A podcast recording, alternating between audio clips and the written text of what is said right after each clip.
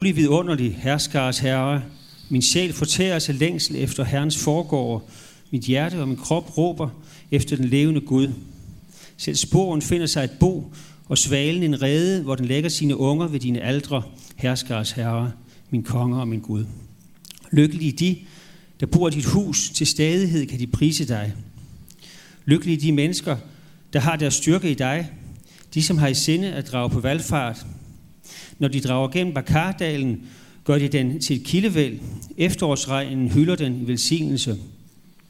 De går fra kraft til kraft, og for Gud at se på Sion. Herre, herskers Gud, hør min bøn, lyt Jakobs Gud. Se til vores skjold, Gud, se på din salvedes ansigt. En dag i dine forgår er bedre end tusind, jeg selv har valgt. At ligge ved tærsklen til min Guds hus er bedre, end at bo i ugudeliges telte. For Herren er sol og skjold. Herren giver noget og ære. Dem, der vandrer i oprigtighed, nægter han intet godt. Herskers Herre, lykkeligt det menneske, der stoler på dig. Det er det hellige evangelium, skriver evangelisten Lukas. Hvert år tog Jesu forældre til Jerusalem til påskefesten. Også da han var blevet 12 år, drog de derop, som det var skik ved festen. Da påskedagene var omme, og de skulle hjem, blev drengen Jesus i Jerusalem, uden at hans forældre vidste det. I den tro, at han var i rejsefølget, kom de en dags rejse frem og ledte efter ham blandt familie og bekendte. Da de ikke fandt ham, vendte de tilbage til Jerusalem for at lede efter ham der. Og efter tre dage fandt de ham i templet, hvor han sad midt blandt lærerne, lyttede til dem og stillede dem spørgsmål. Alle, der hørte det, undrede sig meget over hans indsigt og de svar, han gav. Da forældrene fik øje på ham, blev de slået af forundring, og hans mor sagde til ham, Barn, hvorfor gjorde du sådan mod os? Din far og jeg har let efter dig og været ængstlige. Men han sagde til dem, Hvorfor ledte I efter mig? Vidste I ikke, at jeg bør være hos min far? Men de forstod ikke, hvad han sagde til dem.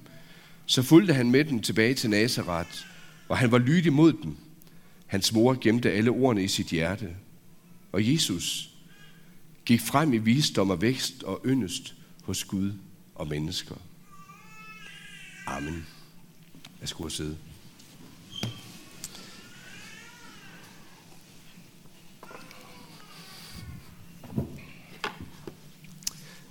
Lad os bede sammen.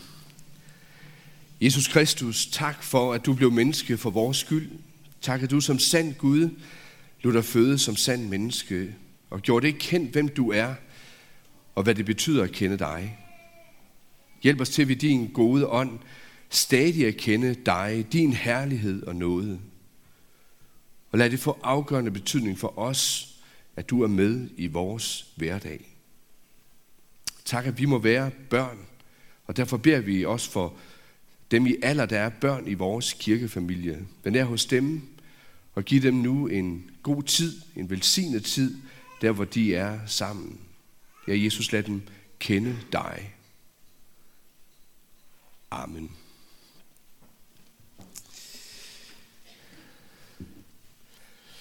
I øh, min barndom, der har jeg mange gange samlet det her puslespil. Jeg kan ikke engang huske, hvor gammel jeg var, da jeg fik det, og det har ligget stille nogle år, og nu her inden for de sidste par år, der er det kommet på øh, mode igen og blevet samlet en øh, del gange.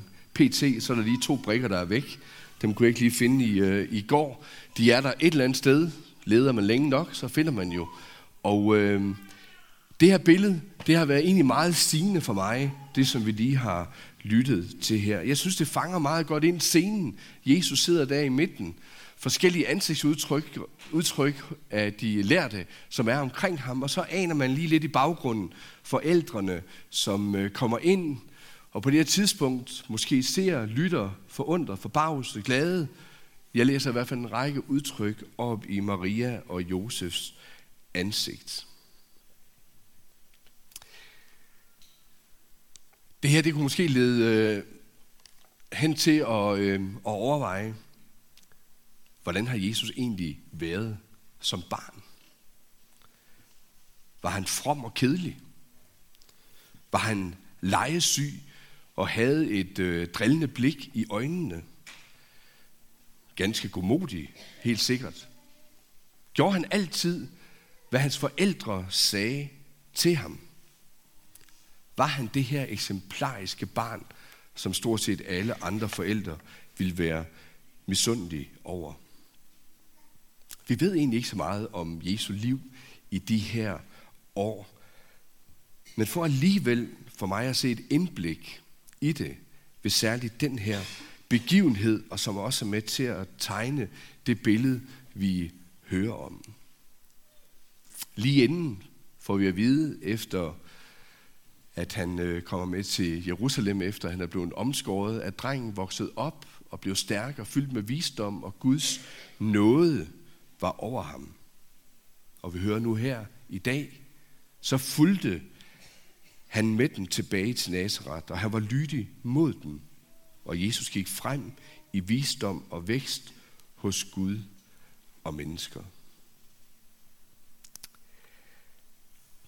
Beretningen her, den kommer altså til at stå som, øh, man kan måske sige det sådan, som et særligt udtryk af, at Jesus han åbenbarer sin egen selvbevidsthed. Både om hans tilblivelse, om hans opgave her i verden. Han ved, at han er sand Gud og Guds søn. Og derfor hører til hos sin far. Bor op, eller bør være hos sin far. Samtidig så er han også menneske fuldt ud. Født som en spæd, blev behandlet som en spæd, vokser op som en dreng, der har slået sig af grædt og trøstet, drillet alle mulige andre ting. Han er sand menneske. Han kender livet på egen krop og sjæl. I julekalenderen, Jesus og Josefine, som kom for nogle år siden, der er det sådan lidt et andet billede, man får. Der bliver det sådan mere, at lige pludselig så er det nærmest som om, at Jesus han lige pludselig finder ud af, at han er lidt mere end bare et almindeligt menneske, end bare en almindelig dreng. Han begynder sådan med tiden at finde ud af, at der er noget særligt over ham, at han har en guddommelighed. Det er ikke kun i en julekalender som Jesus og Josefine, man kan hente det. Det kan man finde hos mange teologer, kloge teologer, skulle de egentlig være, som også først Jesus mener, at det er måske først senere i sit liv, først måske nogen andre, der læser tilbage på Jesu liv, der finder ud af, hvor bevidst har Jesus egentlig været om, at han var sand Gud. Det blev der debatteret også selv meget den dag i dag, og mange vil hævde, at det er god videnskab. Men Jesus, han er gennem hele sit jordeliv sand Gud og sandt menneske. De her to naturer, og det her under der er 100% Gud, 100% menneske, det skal ikke sammenblandes, men det skal heller ikke adskilles. Hvis man sammenblander det, går det galt. Adskiller man det, går det også galt. Fordi så ryger forståelsen, hvem Jesus han er. Her som 12-årig i templet, så giver Jesus sig til kende som både Guds søn og som sin forældres barn. Han er begge dele, og det kommer ikke til at stå som en modsigelse. Han er lydig mod sin himmelske far, og han er lydig mod sine forældre. Josef og Maria, de viser på flere måder, at det spiller en rolle for dem at følge Guds vilje. Det gjorde det allerede, hører vi, for Josef, før at Jesus bliver født, da han finder ud af, at Maria skal føde et barn. Og vi hører, hvordan at de tager det her alvorligt, hvordan deres, det de møder, hvordan ordene om Jesus går dem til hjertet og ønsker at leve efter Guds vilje og opdrage Jesus på den måde.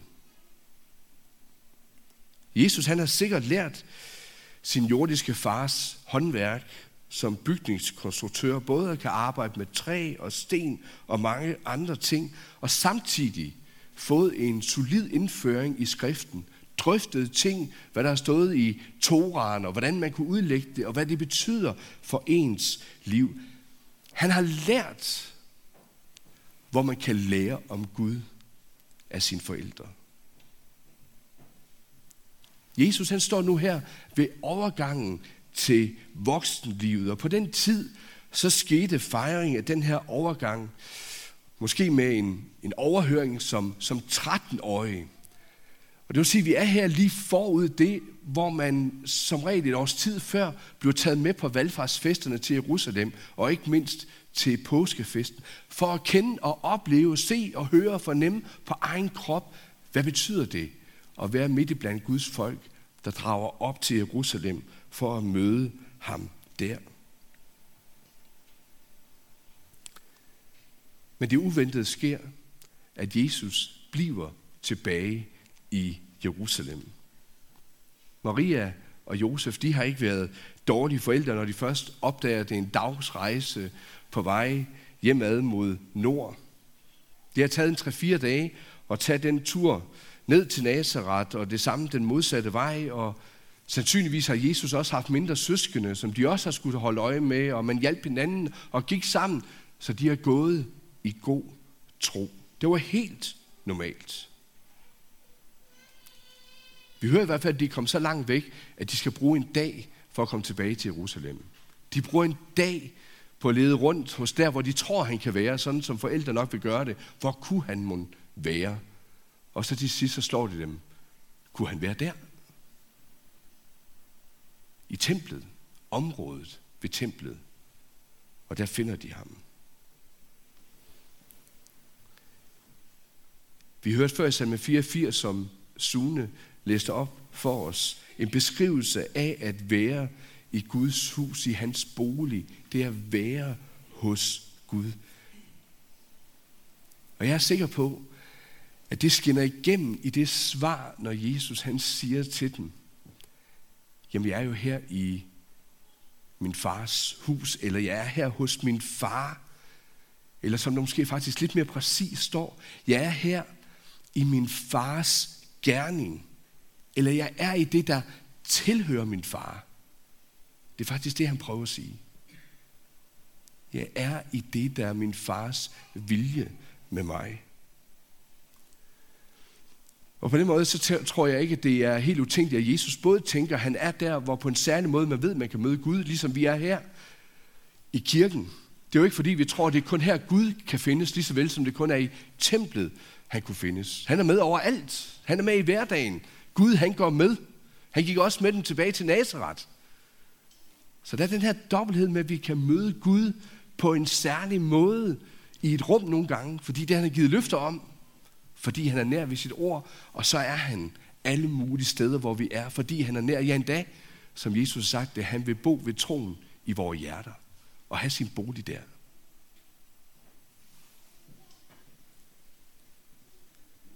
Jesus han kunne i situationen med de lærte have prædieret med guddommelig viden.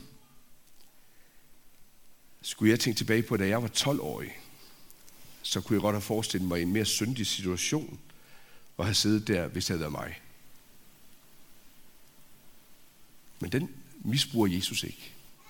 Der står faktisk, han sidder der, lytter, stiller spørgsmål, giver svar med indsigt. Faktisk lige efter spillereglerne. Han gør faktisk det, en 12-årig må gøre på dit tidspunkt i den situation. Derfor får vi den beskrivelse med de ord, lige præcis de ord. Jesus holder sig på den rigtige bane. Misbruger ikke sin situation som Gud til at hævde sig op. For hvad skulle han vinde ved det? Forundring, den ligger netop ikke på det, han gjorde, men ligger på indholdet i hans bidrag. Hvilken visdom om livet. Hvilken visdom om Gud.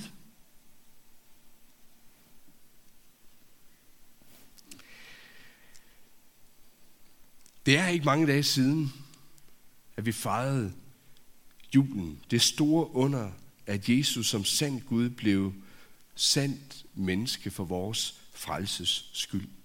Vi synger det i flere julesalmer. Vi tog nogle vers med fra en af dem her, og havde vi sunget dem, vi sprang over, ville det være kommet endnu tydeligere frem. Vi synger i de her julesalmer om, hvordan situationen ville have været uden Jesus. At vi ikke kan redde os selv fra synden, døden og djævlen. Der er magter, som vi må give op over for. Ja, vi kan heller ikke sætte Guds vrede over synden, og som den kan ramme os til side. Vi kan heller ikke sætte os uden for fortabelsen, men tro på, at ved Jesus, der kan vi blive reddet i vores fortabthed og finde tilgivelse. Som Brorson formulerer det i en af sine julesalmer, Gud er nu ikke længere vred. Det kan vi deraf vide, at han har sendt sin søn herned for verdens synd at lide. Og så kan der gå hverdag i det. Vi kan synge alle julesangene, vi kan høre det, vi kender det, og det er så forunderligt, og vi mætter det koncentreret i de der dage, hvor vi holder julefest. Og når festen den er slut, så skal vi tilbage til det daglige. Men Jesus, han kan blive væk fra os. Der kan nemlig ske det, at vi får placeret vort gudsforhold i vante, kendte og selvlavede rammer. Og det kan på mange måder være godt nok som en hjælp til at fastholde kristen livet. Men ind i det, der kan det med Jesus også gå hen og blive for selvfølgelig. Han kan blive væk. Han kan blive ligegyldig. Hvem Jesus han er, det formes ikke af selve relationen. Tro på Jesus, det er en åbenbaring af, hvem Jesus han er. Tro på Jesus er egentlig for så vidt heller ikke min tro, som jeg kan fylde med mine egne antagelser eller traditioner. Troen på Jesus er en tro på Jesus Kristus som Guds søn, som en bekendelse. Derfor aflagde vi også den bekendelse i begyndelsen af gudstjenesten, så den må stå som en ramme. Det er det, vi tror og bekender. Maria og Josef, de måtte opleve at skulle slippe deres eget og finde ud af ved Guds hjælp at lære at finde Kristus der, hvor han giver sig til kende, der, hvor han åbenbarer sig. Der, hvor han lader sit sande ord lyde og giver sig til kende, hvem han virkelig er. De måtte søge efter Jesus og finde ham. Og måske egentlig blive fundet af ham, så de kunne finde sig selv som mennesker.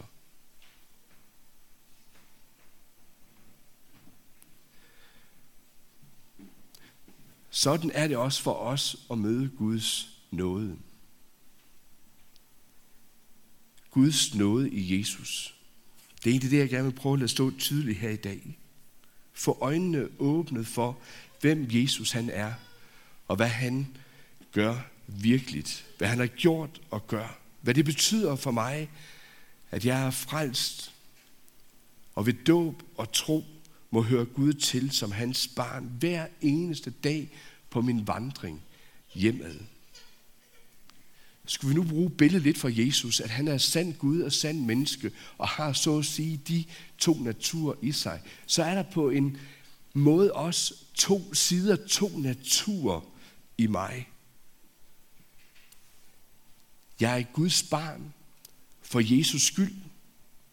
Det må jeg sige til mig selv. Og jeg må se på Jesus som min store bror, og så sige, jamen alt det han er for Gud, det er jeg også. Alt det, der kan siges om Jesus, det kan jeg også sige om mig. Og hele tiden lade det blive gjort kendt for mig.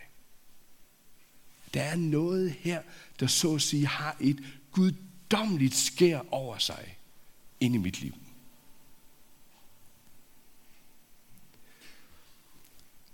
Og så er jeg også min forældres barn. Et menneske i den her verden, der må leve under de vilkår, som det hører til at leve i en falden verden, der stadig er ramt af syndefaldets konsekvenser, og som dagligt også viser sig ind i mit liv. Igen, den her dobbelthed, den må ikke sammenblandes. Den må heller ikke adskilles. Så går det galt. Både for teologien, for læreren, men også for kristenlivet. Men der er noget, som kommer til at stå som fortegn for det her liv. Og det er nåden. At kende Jesus, det er at kende Guds nåde mod mig. At Gud han ikke længere er vred, som vi kunne synge det i julen. At Jesus han er død for verdens synder og for mine. At enhver, som tror på Jesus, ikke skal fortabes, som vi hørte i Bibelen, men have evigt liv. At nåden, den frelser.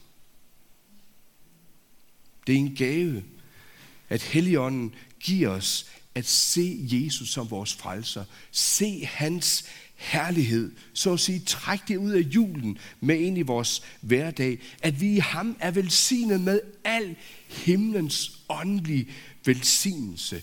Det er noget at kende det. Men nåden har også en dobbelthed. Paulus, han kan sige det sådan et sted i Filipperbrevet, kapitel 1. For I har for Kristi skyld fået skænket den nåde, ikke blot at tro på ham, altså det at tro på Jesus, det er en nåde, men også at lide for hans skyld. Det er også en nåde at lide i det at være en kristen. Det er noget at kunne tro. Det er noget at kunne leve Kristus livet med og for ham, også hvor det er svært. Jeg aner ikke, hvem der har formuleret det, men jeg synes, det er en god sætning. Nåden er gratis, men den koster alt. Nåden er gratis, men den koster alt. Et andet sted kan Paulus sige det sådan i Titus brevet kapitel 2. For Guds nåde er blevet åbenbart til frelse for alle mennesker. Guds nåde opdrager os til at sige nej til ugudelighed og værstlig lyst og leve besindig og retskaffen og gudfrygtig i denne verden, mens vi venter på, at vores salige håb skal opfyldes, og vores store Gud og frelser Jesus Kristus kom til syne i herlighed. Guds nåde skaber fornyelse. Og i det lys forvandler Guds nåde. Det er fortegnet for vores liv. Et nyt liv i Jesus. Et liv som et Guds barn. Men Guds nåde lærer os også lydighed til som mennesker at leve efter Guds vilje. Guds nåde opdrager. Så det vil sige, at det vi møder hos Jesus, det bliver både til tro, men det bliver også til et konkret liv. På en måde, så det må ændre vores adfærd. Det må ændre vores holdninger, vores indstillinger til mange ting. Og så det kommer til at præge vores tanker, vores handlinger. Så vi skærper os på at holde ud og nå hjem. Så vi ærer Gud med vores liv og fremmer hans hellighed i vores hverdag. Det var egentlig det, der var indgangen til de første sange, vi begyndte at synge, som Mathias læste fra Romerbrevet. Og tilpas jer ikke denne verden, men lad jer forvandle ved at sindet forny, så I kan skønne, hvad der er Guds vilje det gode, det som behager ham, det fuldkommende. Guds nåde skænker frelsen. Nåden forvandler til et liv i Kristus. Til visdom, til lydighed efter Guds vilje.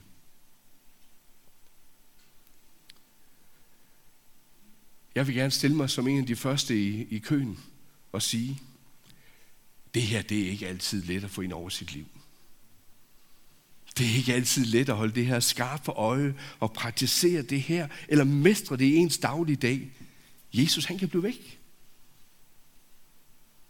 Så jeg måske både glemmer, hvad jeg har i Guds nåde til frelse, og hvordan Guds nåde kan opdrage mig i det liv. Nåden den kan blive rutine. Visdom og lydighed mod Gud, det kan glemmes, eller fordi mit liv nu ikke lige helt synes, det passer sådan, så kan det lægges til side. Måske bevidst, måske ubevidst. Men Jesus går med. Også i min hverdag.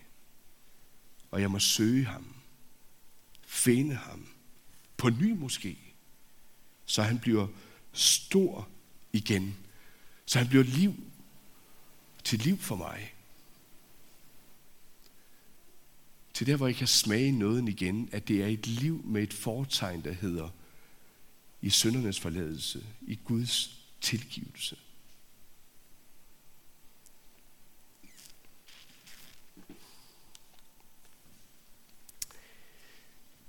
Det her, og så lige i eftermiddag, er min sidste prædiken her i Aarhus Bykirke, som øh, valgmenighedspræst i hvert fald. Der var mange ting, jeg kunne have lyst til at sige i dag, og jeg havde lov konen, at det ikke skulle blive for langt. Også ud fra dagens evangelium. Noget, jeg tænker, vi stadigvæk har brug for at tale om som menighed, om det at være børn, være barn af Gud, om Gud. Det at være et Guds barn og høre til hos ham, og have ham som far. Det er måske mere konkrete om det at have ansvar som både hjem, familie, som menighed, for børn og for hinanden som Guds børn.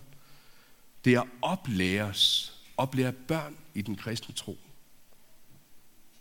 Eller må man i det hele taget det her samfund i dag, hvor religionsfriheden under præst har ret til som forældre at give sin overbevisning videre til sine børn, uden at de bliver manipuleret. Og rigtig meget andet. Jeg var lyst til egentlig, at det her må stå tilbage. Men Guds nåde i Jesus Kristus, som sand Gud og sand menneske, det er det, det hele det kommer til at stå og falde med. Det gør det for mit liv. Guds nåde til liv. Til evigt liv.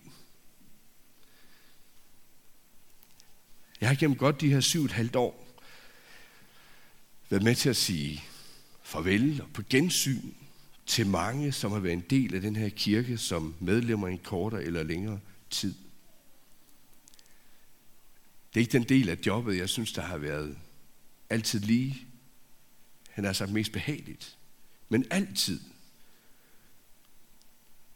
så har det været et håb for mig, når jeg har taget afsked med folk, at de måtte holde fast ved Guds nåde og søge hen der, hvor de kan høre om Jesus og leve med ham og leve for ham. Glædeligvis så er det sket i mange, mange tilfælde, som jeg også har oplevet det. Men midt ind i det er det helt klart også den største smerte, jeg har oplevet i mine år, når nogen opgiver troen på Jesus, fordi han er blevet væk. Fordi det ikke længere giver mening. Måske har man mistet tilliden til ham. Måske fordi man har indrettet sit liv på en ny måde. Måske har man bare mistet interessen for at lede efter ham, så man ikke længere selv bliver fundet. Samtidig ind i det, så har det virkelig også været til stor berigelse og en opmundring for mig at opleve, at nogen bliver fundet af Jesus, kommer til tro på ham og begynder at kende Guds nåde mere og mere. Det er sket i alle årene. I de sidste par år, synes jeg, på en særlig måde. Også selvom, at det derefter ikke bare bliver automatisk let. Og det at få lov til at være med på vandring hos nogle af de mennesker, det har givet mig selv meget.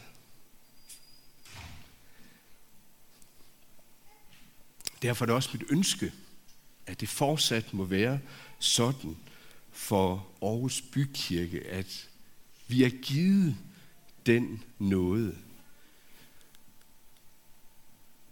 At være et redskab til at lede mennesker til Jesus, så de kan leve i ham.